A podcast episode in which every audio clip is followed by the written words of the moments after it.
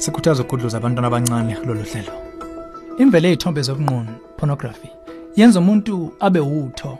Besithathe bonke ubuhle bobudlelwane phakathi kweyidalwa engabantu ey'philayo. Kade kube ngenye nje into ehlukile. Uma omunye wabashadile efuna ukuphuma okinatelweni addiction yi-pornography bese avuselele ubudlane bomshado wakhe.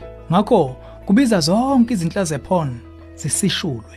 Sizokhuluma ngalokhu ngokuthe xaxa la ohlelweni ezomndeni. Nathi.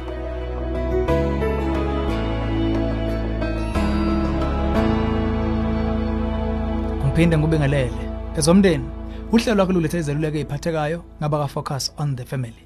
Ubaba usibhale ngomqondo ukuthi hleza phume okinateleni addiction lwakhe lwezithombe zobunqunu. Ubuze wathi ngakube kulungile yini ukuba indoda isebenzise izithombe zomkayo ezithathwe ngeselfone ezivusa imizwa yocansi ngenhloso yokubibiyela ezephon ezivuthisa umzimba. Futhi ngicabange lokhu kungangisiza ngidlule kule nkinga. Yikuphi nicabanga ngalomqondo wami? Into yokuqala odinga ukuyazi ngalomqondo wakho ukuthi unamathuba ongabi semthethweni.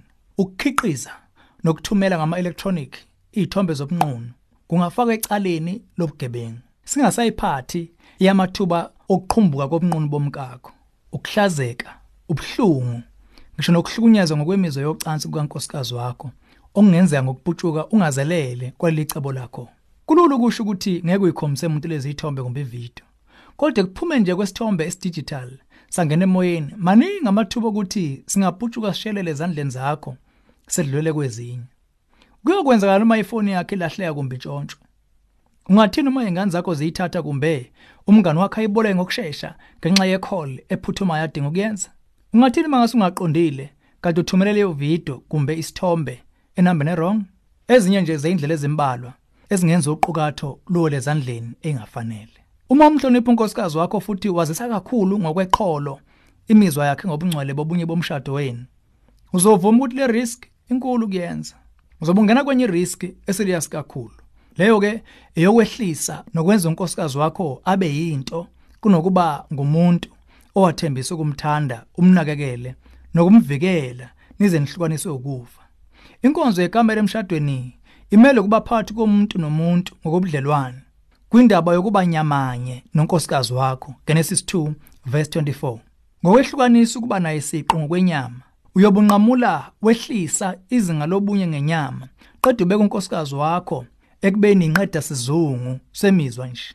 Noma ngabe uyakubona lokho noma cha kodwa uyobe wenza kube negebe ebudlelaneni benu. Asimazi unkosikazi wakho. Ngakho ngeke simkhulumele. Kodwa singasho ngabesifazana abaningi esesizwe ngabo abajabuli ukuba ama subject ohlobo lalezi ithombe ezisemqondweni wakho. Ngenhlanhla zikhona indlela ezingcono ukunonga umshado wakho nokunothisa impilo yenkonzo yekamera yenu. Ingxenye enkulu ibandakanya ukuxhumana lomuntu nomuntu. Esikhundleni sokuthumela amavidiyo avusa inyama ebabebe kungani ningathumela imiqhafazo? Enamagama amafushane nje othande mina. Kungani mhlawumbe esikhundleni seyithombe? Ugcina eduze nawe imbali ekhethekile owamthengela yona ngosuku olwalukhethekile. Kuningi okunye ongakwenza kodwa ubumqoka la ukugcina uthando ngokweinhliziyo zenu nobabili hayi kuba senyameni njalo ngaye. Kumele sigcizele ukuthi ubunye bomshado budlula ngamalengiso ebunyeni benkonzo yekamera elulana nje. Uma usafisa ukusibhunga lesihloko ngokuthe xaxa sicela ukuxhumana nezisebenzi ezokweluleka focus on the family zothokoza ukuxoxa nawe ngocingo nokuxhumana nongoti bezokwelapha imishado abangaba seduze nawe kunye nongoti abasebenza ngokinatelo lwezocansi sexual addictions. Sicela ushayele ku-031 716 3300 kumbe ungene ku-safamily.co.za bese uthi cofo ku-counseling link. Sicela uqonda isidingo sokubhekana nale nkinga ezimpandeni zayo. Zisasuka nje. Kunokufuna ukubibiyela ngenye indlela ukuqhubeka nokubuka izithombe zocansi. Lokhu kungasindisa umshado wakho. Lolu hlelo ezomndeni ulethulelwe yi-focus on the family sihlangabezwa hlelo luzayo sisihlabelisa phambili umndeni wakho.